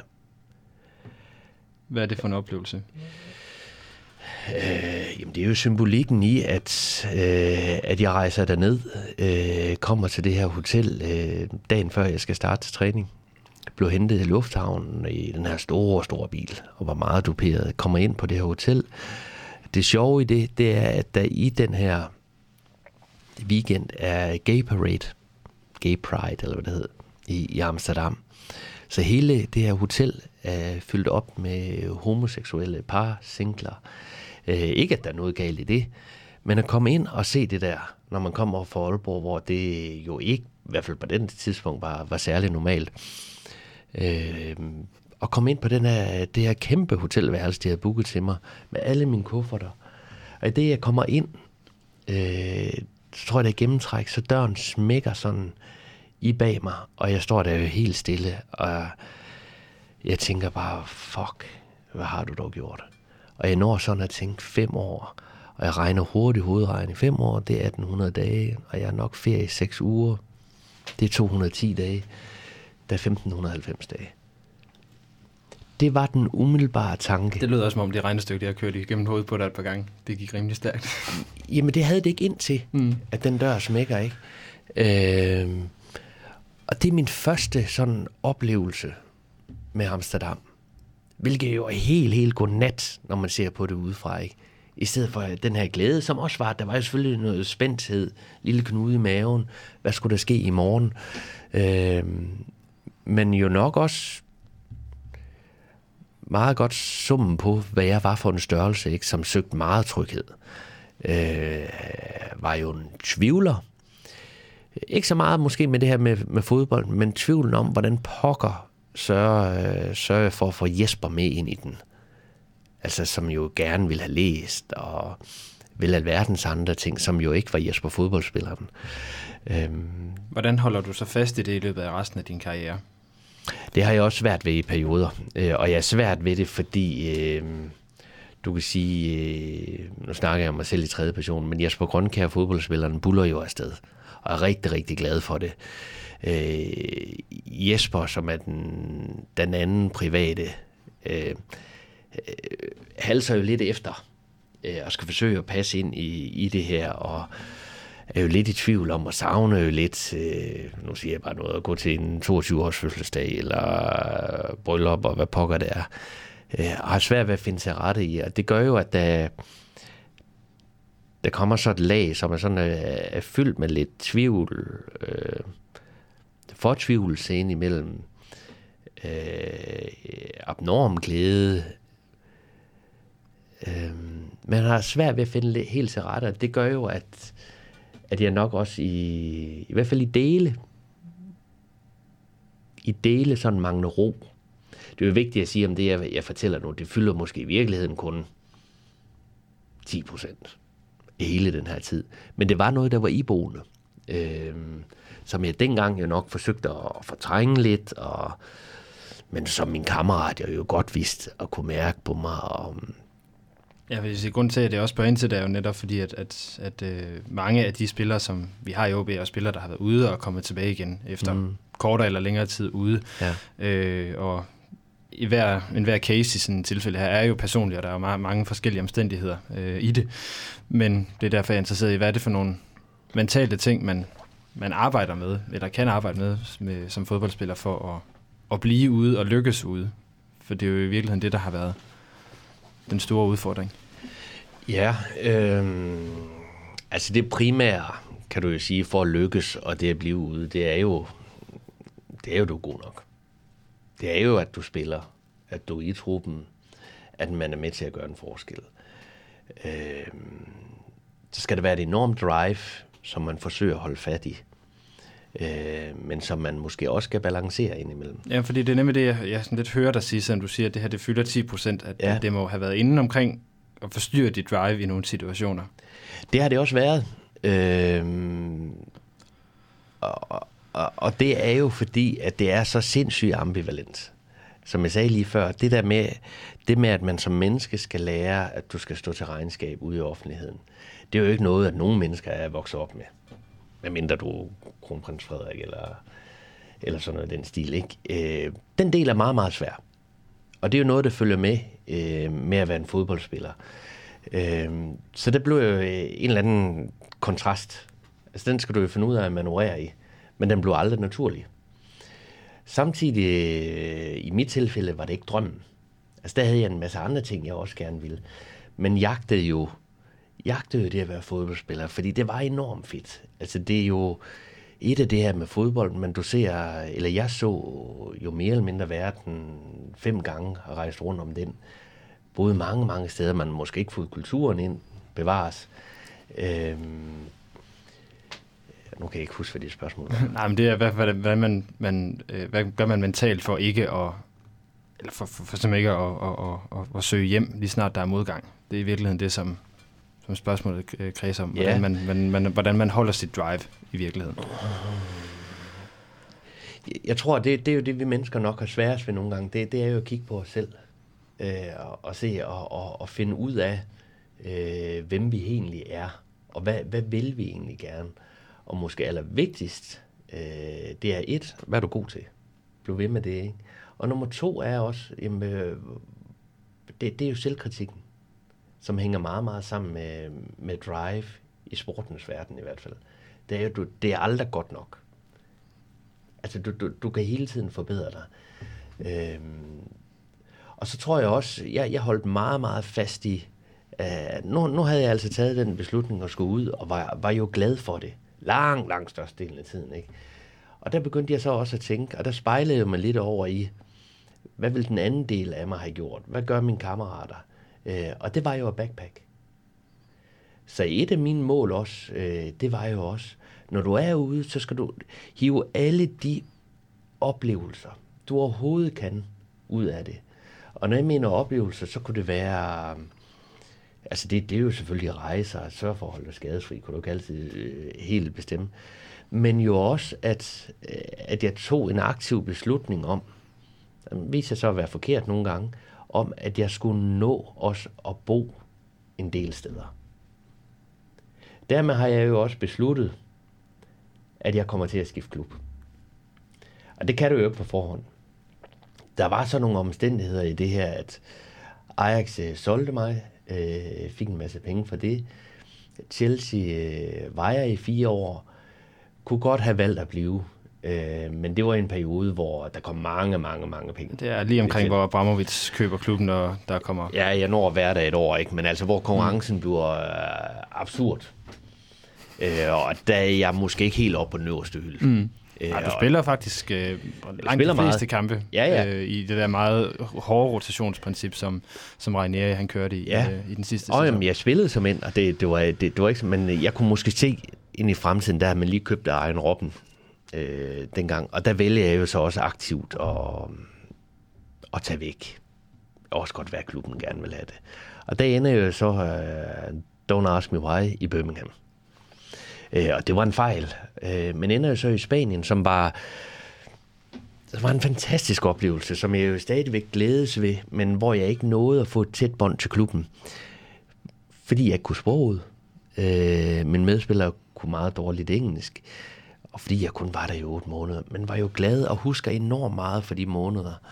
Øh, og et af målene var der også, det kan jeg huske, jeg snakkede med min kæreste om øh, dengang, at med nuværende øh, husnu, ikke, at vi skal prøve, og det er et meget godt billede, vi skal prøve at se, om vi kan slutte af med at bo på Tenerife eller Mallorca. Og det er jo sådan en sjov ting, ikke? Fordi... Så der lå Las Palmas og Mallorca i, i karriereplanen. Ja, men det var jo mere sådan et udtryk for, at vi skal også prøve at være et sted, hvor der er varmt. Ja. Og hvor man oplever den kultur og sprog. Øh, fordi det fyldte også. Og det er jo det, jeg mener med oplevelser. Øh, så kan man sige, senere hen blev det jo nok, at... Og det er måske den ene ting, jeg så nogle gange kunne have tænkt, det, det var, at jeg ikke tog til USA. Øh, som jeg havde muligheden for til øh, de sidste år, jeg rent faktisk var i FC København, skulle jeg have trukket den et år længere eller to. Øh, måske meget godt, jeg ikke gjorde det. Jeg var ved at være færdig. Øh, men det var måske sådan en ting, den, den kunne jeg mærke, den, den fyldte lidt. Øh, fordi det var jo en del af, af den her karriereplanlægning, som man kan grine lidt af. Ikke? Øh, Ja, men i hvert fald en, en, en målrettighed om, hvad man gerne vil. Ja, og, det, og man kan jo ikke altid bestemme det, og når, når vi skal tage udgangspunkt i, i de spillere, der er kommet hjem som til OB, som måske ikke helt er lykkes, eller generelt i Superligaen, øh, så kan du måske finde noget af svaret i det. Fordi jeg havde også en anden ting, der sagde, nej, nu, nu skal jeg simpelthen få noget ud af det her. Fodboldmæssigt primært, det er derfor, jeg er ude, det er der, mit arbejde er. Men der er også for at, at hive oplevelserne hjem. For, fordi på et eller andet tidspunkt ender langt størstedelen af os... Øh, med græsplæne, et hus, en Volvo, et fastforrentet lån. Ikke? Ja. Det kan tids nok komme. Øh, men det ved man jo, eller ved jeg jo i dag, når jeg er blevet ældre også. Ikke? Øh, og kan da også undre mig over, at jeg, jeg havde det sådan i, i perioder. Ikke? Øh, men det er bare fakta, og det var sådan, det var. Øh, og det gider jeg ikke skamme mig over. Øh, er der grund til det? Nej, men det var der måske... Nej, ikke grund, grund til at skamme mig, men øh, jeg tror også, i hvert fald når jeg havde den følelse, det var mange af mine kollegaer, der i øvrigt også havde, øh, så er det, så tror jeg også mange søger, eller jeg søgte også en vis forståelse i det. At det er faktisk sådan, jeg har. Men det er jo egentlig forkert. For det skal jo ikke søge, altså det er jo noget med at holde fast i den, øh, man er, ikke? Men det er jo også, det er jo nok livserfaring, der gør, at at jeg i dag og i mange år øh, har kunne tage det helt afslappet, fordi det var nogle gange sådan, jeg var, ikke? Øh, hvorimod øh, andre også, som måske ikke havde muligheden for at gøre det, jeg gjorde, øh, måske kan jeg svært ved at forstå det, kan godt acceptere det, men, men det var nogle gange Jesper fra Tisted, der, der havde det sådan. Og så øh, synes jeg, vi skal lade være det omkring den, den, den mentale del ja, af det. Ja. Og så, øh, så tag den de, de sidste år af, af din karriere, eller de sidste fem af seks år, fordi du kommer tilbage til dansk fodbold og til FCK i 2006. Ja. Øhm, og der er det, virker det ret, som om du er ret indstillet på, at det skal være FCK øh, af de danske klubber. Altså, den korte forklaring er jo, at FC København var den eneste klub, der var... Mm, der lagde et bud. Så der er forklaringen jo i, at øh, det kunne dårligt blive andre. Yes. øhm, så kan jeg også vente om at sige, havde OB været interessant, hvis de havde lagt et bud? Ja, de havde været interessant. Øh, det er jo nemt nok for mig i dag at sige, at øh, det havde jeg ikke gjort. Mm. Øh, jeg havde troet, jeg havde gjort det. Hvis du havde spurgt mig i 2002, så havde jeg virkelig troet, jeg havde jo ikke vidst, det skulle være i 6. Øh, og forklaringen skal jo nok findes i, at, at jeg søgte oplevelser. At jeg søgte, øh, søgte ny inspiration. Øh, jeg følte jo rent faktisk ikke, da jeg kom til København, FC København, at jeg kom hjem. Jeg havde jo stadigvæk min lejlighed i Aalborg, øh, inde i Fredericiagade, øh, og var rigtig glad for den, og det var jo mit hjem. Altså, så kom jeg tilbage til Aalborg, Nordjylland, Tisted. Øh, og det passer heller ikke helt, at OB ikke var på banen, fordi at jeg havde jo øh, jeg havde samtale med Lønge Jacobsen aften før jeg skriver under med FC København. Og det er en samtale, der, der finder sted telefonisk øh, ude på Vejlerne mellem Tisted og Fjerdslev. Øh, og lynhurtigt står det... Jeg tror ikke, OB har været så klar over, at jeg var så tæt på at komme hjem. Øh, min advokat på daværende tidspunkt var Jesper Møller, der i dag er ja, formand i DBU. Ja, formand for, for OB. Ja. Øh, han har jo nok været vidne om det. Øh, jeg kan ikke helt huske, hvad samtalen er i, øh, men jeg tror, jeg har taget min beslutning der. Det er faktisk den samtale, jeg har med OB der. Øh, og det er den samme samtale, der finder sted med Lynge. Øh, og der har jeg jo nok taget beslutningen, og jeg har jo undersøgt det inden. Altså jeg kunne jo også selv, kan man sige, fordi det sker også, jeg kunne jo også selv have været aktiv. Og stukket en pille afsted til OB omkring, ved du hvad, jeg er nok parat til at skal hjem. Øh, men det gjorde jeg ikke. Men jeg havde det i tankerne sådan i det tidlige forår 2006. Men skød den egentlig lidt til hjørne på grund af, på grund af, at det nok ville være fornemt. Og fornemt, altså beslutningen, det med at komme hjem. Og hvad, hvad var det lige? Jeg, jeg ville nok ikke kunne undgå at skulle sammenligne det med den tid, som jeg var i der i fra 95 eller fra 94 til 98, som jo var en tid, hvor jeg var ung med alle de ting, der er der. Det, så det betyder, at hvis jeg kom tilbage i 96, så ville der kun være Jimmy Nielsen tilbage. Jeg kan ikke huske, måske var der flere. Øhm, Kunne var i hvert fald væk. Ja, så det ville kun være Jimmy, og Jimmy han vidste det faktisk godt. Øh, og jeg havde mange snakke med ham om det øh, for og imod, ikke? og han ville jo også gerne, øh, at jeg kom derhen. Ikke? Øh, jeg havde meget med, med kammerater også, men jeg kom egentlig frem til det, at at jeg troede måske ikke så meget på den som mennesket. Jeg snakker ikke fodbold den her. Øhm, og der troede jeg mere på FC København. Fordi det ville jo være, altså det, det, det, det, det ville være som at tage til udlandet stadigvæk. For mine kammerater var ikke der, min familie var der ikke. Øhm, jeg skulle lære nye mennesker at kende. Og så er det da heller ikke en hemmelighed, at øh, Ståle Solbakken var, var meget ihærdig og var ude meget, meget tidligt, allerede otte måneder før jeg skrev kontrakt, og spørge til mig, og kom med en helt klar plan for, hvad der skulle ske. Øh, og det lykkedes så for ham ikke, og, og den plan var jo egentlig, prøv at vi skal spille i Europa. Jeg er ikke kommet hertil, der han ikke haft første træningsdag, så jeg er ikke kommet her for, for, for at vinde Danmark, Danmarks mesterskabet. Og det er sådan lidt retorikken er mm. i FC København, skal man også forstå. Øh, og han sagde, fordi så gør jeg jo egentlig bare det samme som han sparke. Roy men, men det er jo det, som retorikken er blevet med Ståle som, som træner. Ja, man skal vinde ja. Danmarksmesterskabet. Nej, man skal mere. Ja, men det var den allerede dengang. Der var den måske ikke så hårdt meldt ud, meldt ud og, og vejen til var jo lang. Altså, man skulle slå Ajax for at komme i Champions League, og hvad det var, ikke? Og det tror jeg faktisk, det tiltalte mig. Mm. Fordi så kunne jeg sådan se, og jeg kan huske, jeg tænkte, hvad, hvad, hvad gør jeg lige med motivationen i det her? Øh, skulle ud på de her stadions. Og der kan jeg faktisk huske, at jeg tænkte, ved du, okay, jeg skal spille ind i parken, som jo for mig var landsholdets hjemmebane. Og så tænkte jeg, ved du, halvdelen af kampene om året, de derinde. Mange tilskuere. Et internationalt snit over holdet.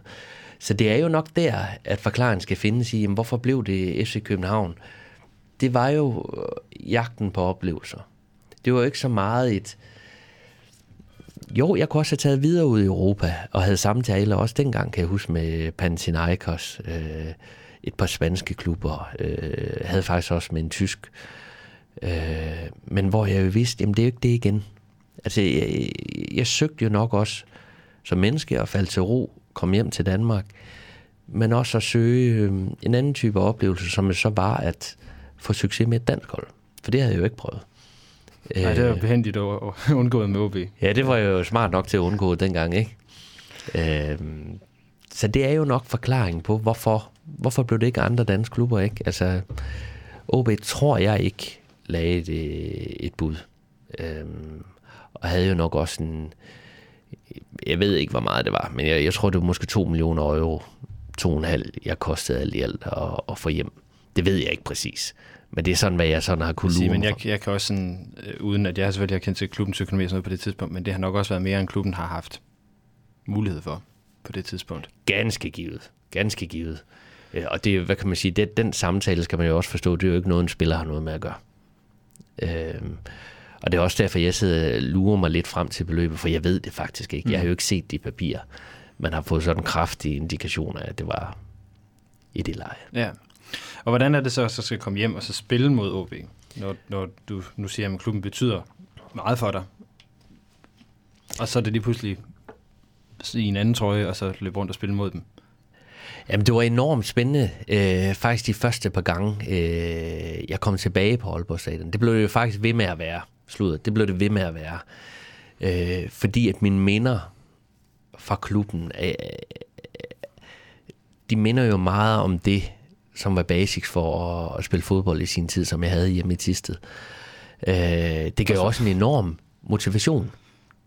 Fordi at jeg, jeg vidste jo, når jeg kom derop, fordi jeg var involveret i, i nogle bataljer, bataljer deroppe med, med et par spillere under kampen, og de synes måske, jeg var gået lidt for hårdt til nogen, jeg kan ikke helt huske det. Sige, den, den, den første kamp, du er tilbage på Aalborg Stadion, der, der får du reddet din trøje stykker af Michael Jacobsen, så vidt jeg husker.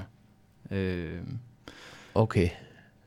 Det kan være, det var det, du, en af de, de bataljer, du, du tænkte på, for der får du vist nok også et gult kort. Ja, det har formentlig været det. Jamen, det tror jeg faktisk, det var. Øh, og der blev jeg piftet og, og herregud. Øh, men der, jo, jeg tror faktisk, du er ret i, at det var det. Fordi efter kampen var det jo for mig afsluttet. Og sådan har jeg mere eller mindre altid været. Og der kan jeg huske, at jeg går ned til OB's omklædningsrum, for Lynge er dernede. Mm. Øh, og der kan jeg faktisk huske, Lynge han siger til mig, Jesper, du skal lige vente fem minutter. Jeg er ikke lige parat til, at jeg skal snakke med dig nu. Øh, og hvor jeg tænkte, nå okay, fuck. Det var sgu da ikke så godt. Øh, jeg tror faktisk ikke, jeg snakkede med ham i den forbindelse, så mødte jeg ham jo senere hen, ikke? Og der var jo ingenting. For Lynge, det skal man virkelig vide, og det ved alle jo, er jo en fantastisk mand, øh, som har stor, stor respekt i dansk fodbold, og har jo været med til at flytte. Øh, men han var jo lige så grebet af det stadigvæk, lige så vel som jeg har været inde på banen. Men han har jo virkelig følt, at jeg gik over stregen. Jeg kan faktisk ikke huske, hvorfor præcis det var. Øh, men jeg har nok gjort noget, som jeg ikke skulle gøre. Givetvis. Øh, så der, derfor blev det blev også en slags motivation. Øh, man kunne da håbe, det havde været anderledes. Og så nok også, fordi historien florerede jo meget om dengang, at jeg havde sagt nej til OB. Det havde jeg jo også delvist. Øh, øh, men det var jo ikke et nej på den måde, at OB er et skidt sted at være. Det var jo et ja til, at jeg simpelthen ville prøve noget andet. Og så gik jeg jo til den klub, som om noget står for noget helt modsat, end OB gør. Måske også derfor, det var så svært ja. OB. Øh, tilhængerne, tænker jeg, at, ja. at leve med det. Ja, men faktisk også noget, altså jeg, jeg var jo så også blevet 8, 9 år ældre, men faktisk noget, der tiltalte mig også. Fordi det, det, det skal man jo vide om FC København. Den er meget, meget højdragende. Meget, meget højt til loftet. Øh, armbevægelserne er store. Øh, du kan jo bare se på dem, der... at Du kan se på en Lars Seier, der kom ind i, i, i dag. Ikke? Lige umiddelbart den konstellation op i OB, vil jeg have svært ved at forestille mig. Øh, stort stadion, koncerter, markante udtalelser i pressen, ikke? Meget, meget markante personligheder. Og det kan man sige, det, det tiltalte mig måske lidt at, at komme op i, i den rolle. Ikke at jeg selv var det, men at være for en klub, som... Fordi det giver jo automatisk et sindssygt pres. og skulle jo gerne over tid, hvis så spilleren har gode nok, trænerne udmyndtet i, at holdet blev bedre. Øhm, så det var jo også, du kan sige, det var en, øh, det var en oplevelse, jeg valgte til. Øhm. Men det lyder også som i forhold til at skulle tilbage og spille netop i, i Danmark og på en masse små stadions, når man kommer fra noget andet. Og så netop blive ved med at være motiveret, at, at man faktisk gider at tage de der altså, ture til Haderslev, eller hvor man nu ellers så skulle have ja. spille nogle lidt, lidt søvndysende kampe. Ja. I hvert fald det, jeg hører dig sige. Ja, øh, jo, for jeg havde meget motivation, og, jeg, og, og heldigvis genfandt jeg sådan glæden ved at spille fodbold rimelig hurtigt, efter jeg kom til Danmark igen, og måske fordi der faldt ro på mit hoved også, og øh, hele den her restløshed, som jeg havde været igennem, øh, var måske ligesom faldet på plads, og jeg havde stort set taget en beslutning om, at det her, det var endestationen. Øh, har jeg skrevet en, jeg kan ikke huske, det var det en 4 eller 5 år kontrakt, og så motivationen var ikke, for jeg, jeg vidste jo også udmærket godt, at jeg ville være jadevildt. Altså det, det overrasker mig jo ikke, og folk havde jo travlt med at sige, jamen se på Brian Laudrup, se på Preben Elkær, eller hvem pokker det var, de sagde, ikke? Øh, og så for, måske få det vendt op. Altså nu var jeg ingen Brian Laudrup, jeg var heller ingen Preben Elkær, men var jo trods alt landsholdsspiller. Øh, så det blev jo også en slags motivation i det, for jeg vidste jo godt, uanset hvilke stadion jeg var på, og med den spillestil, som jeg havde, og var måske heller ikke altid den, der holdt mest mund, når vi spillede. Øh, og på den måde jo måske også fik et usympatisk øh, image øh, indimellem, ikke? Øh, men det var jo det var sådan en måde at holde gryden i, i gang på, ikke? Og så da du så nærmer dig karriereslutningen, der er heller ikke nogen tanke om at lige at tage et sidste år i OB for lige at få den for cirklen sådan sluttet på, på den måde, som der er mange spillere, en Martin Jørgensen jo eksempelvis valgt at gøre med, øh, med AGF. Det er kort svar, nej. Mm. Det var det ikke, og der var heller ikke bud. Øhm, altså, der, var, der var lidt snak om, øh, Truls Bæk ringede faktisk til mig fra Silkeborg, fordi han vidste, at jeg var, jeg var bosiddende i Aarhus de sidste to år, jeg spillede og spurgte, om, om jeg kunne tænke mig ud i Silkeborg. Og der var en lille smule med AGF. Og jeg skal da være ærlig indrømme, især ikke F-tingen, men det var jo af de forkerte årsager. Altså det var jo fordi, at det var praktisk nemt. Øhm, det der var i foråret 11, det, det var, at jeg havde et par tilbud fra, fra USA, fra MLS. Og det er det, jeg snakker om tidligere, at det er måske den lille, hvad kalder man det, regret, mm. øh, jeg har haft omkring. Det skulle man, man skulle have prøvet, og vi snakkede også om det derhjemme ja, og min kone var på barsel, at måske var det nu, vi skulle gøre det. Øh, men jeg tænkte også, at det er ikke den måde, jeg ønsker at rejse på nu. Altså, det er ikke med fodbolden, øh, jeg vil rejse. Så nej, det var det ikke. Og når jeg ser på det bagefter, så var det de forkerte årsager, der var grunden til, at jeg skulle tænke på at spille i, i OB eller USA, eller hvad det skulle have været. Ikke? Man kan sige, at sådan på, på et sportsligt niveau, for ikke for at negligere noget, men, men der har OB jo heller ikke været i en forfatning kunne Nej. jeg forestille mig, der har været nødvendigvis været attraktiv øh, at skulle ind og være en del af. Mm, nej, men så tror jeg også, man skal se på det anderledes, fordi det, det, det der med sportslig forfatning, nej, fordi så, så begynder grunden til, at jeg skulle have været taget tilbage til OB, var jo fordi, at OB, at jeg, at jeg skulle have en følelse af, at her vil jeg godt op og være med til at bygge noget op og slutte af og slutte ringen. Øh, men grundlaget for at gøre det, det skal jo være, at man har lysten, du har motivationen til at spille. At kroppen kan holde til det. Øh, og de tre ting øh, var jo netop årsagen til, at jeg, jeg stoppede. Mm. Øh, så bagefter det, er det, været, det har virkelig været dumt. Øh, fordi jeg, jeg kæmpede med fysikken til sidst. Øh, jeg havde problem med at komme igennem alle træninger, og havde en træner i FC København, som virkelig tog hensyn til det, ikke? og var en bred trup. Og det er jo klart at tage op til OB, fordi hvad, hvad, hvad, hvad kan du sige, hvad, hvad skulle jeg vinde med det? Ikke fordi det øh, nødvendigvis handler om mig, men det er jo det, nogle gange den arbejdskraft, jeg har eller havde. Ikke? Øhm, det tror jeg ikke har været godt for, noget, for begge parter. Øh, og for mig vil jeg hellere have mindet om, jeg har jo ikke prøvet at være i den samme klub to gange. Øh, og hver især i dag, der, der er der ingen tvivl om, at, øh, at FC København, OB, står som noget specielt for mig. Øh, af vidt forskellige årsager. Øh, de knytter sig især op til personer, som har været der. Øh, men også den tid. Altså ungdomstiden i, i Aalborg, med ungdomstrænerne også, egentlig, som er en meget vigtig del af det også. Og så det her med at være en af de ældre erfarne i FC København med det i Europa. Øh, men en direkte fan kan jeg jo ikke komme og sige, at jeg er nogen af klubberne. Fordi det er jeg ikke. Øh, hvis jeg er fan af nogen, så er det måske Tisted. Men der er jeg heller ikke rigtig fan. Øh, fordi jeg kender ikke spillerne, der spiller på holdet. I dag øh, arbejder jeg, jeg er ikke med Superligaen. Øh, så der er mange af de her unge spillere, der er for OB i dag, øh, kan jeg knap og navnet på.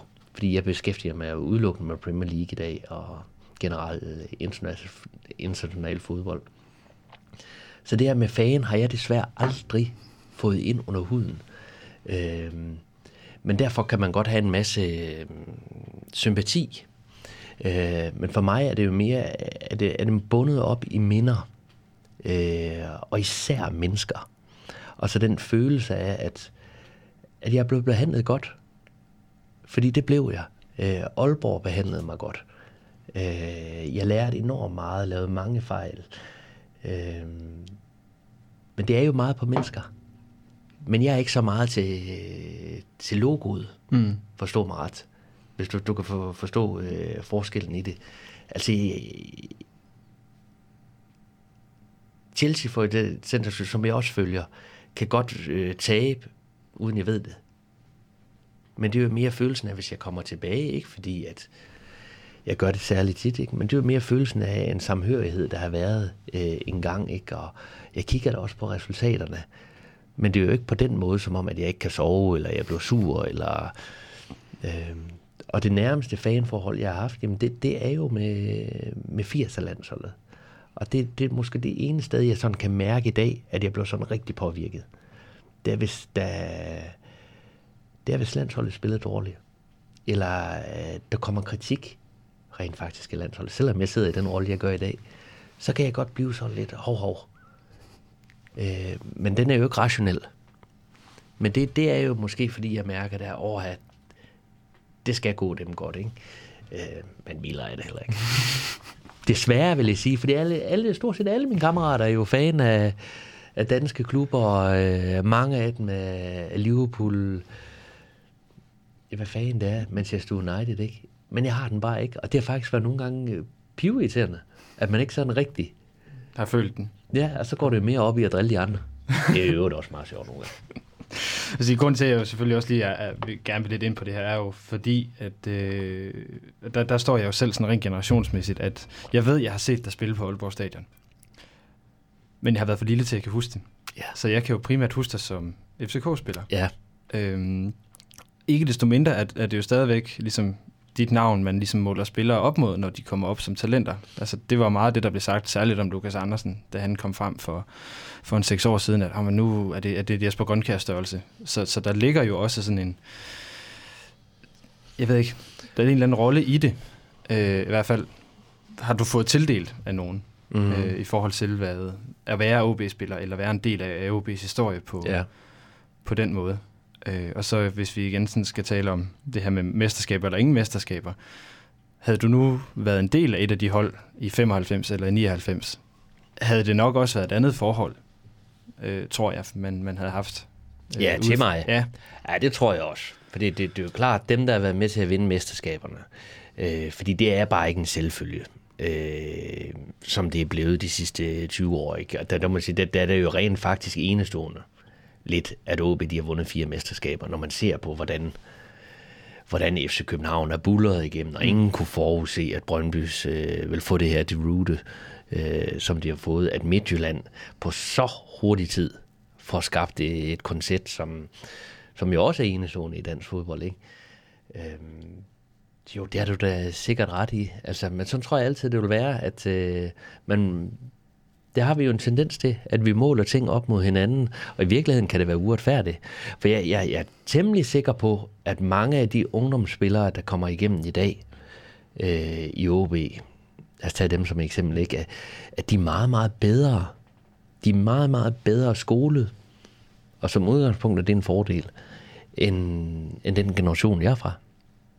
Altså det må de være. De træner bedre, de er bedre trænere, øh, de rejser mere, øh, de er blevet professionaliseret tidligere. Øh, så er der nogen, der vil sige, det, er det nødvendigvis en fordel?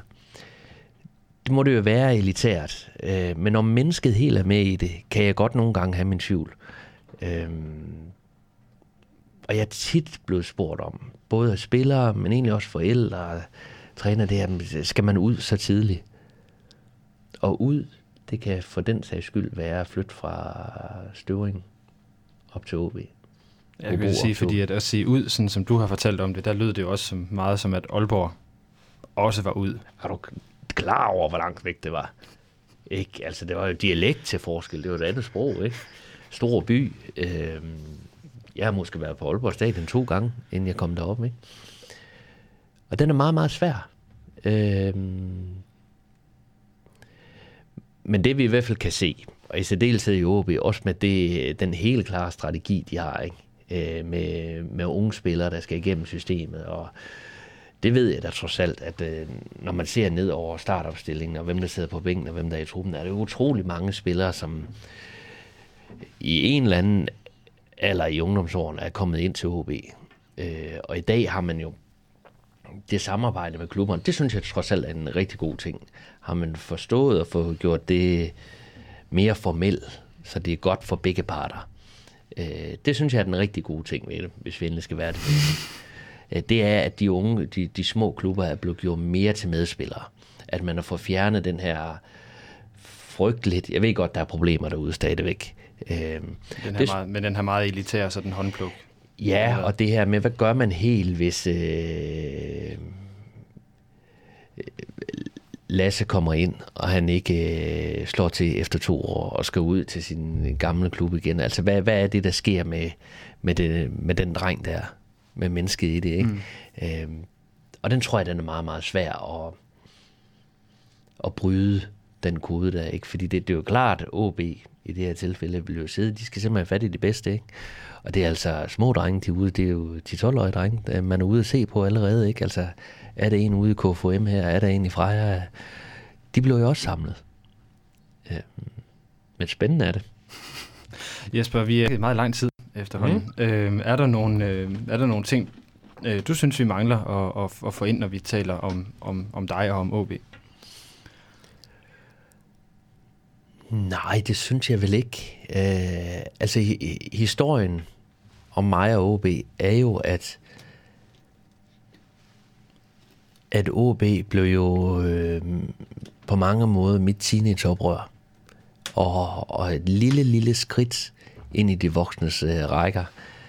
Øh, med en dreng, der var vanvittig nysgerrig, gik i skole, øh, og som fylder meget for mig den tid. Øh, og det, der, der kan du sige, der er selve OB og logoet, om det vil, det, det, det, det er jo et symbol på. Øh, men det er meget tiden, jeg sådan går op i. Og det, det er jo ikke sådan, at jeg kan sidde her og, og fortælle dig om OB mod Lyngby i, i 97. Nej, det, det er faktisk tiden, og det, der foregår ude på træningsanlægget, det er et enormt kammeratskab, øh, som jeg faktisk forstår, at de stadigvæk har deroppe øh, som, jeg, som jo nok også blev min ulempe, da jeg tog væk. At den her tryghed forsvandt.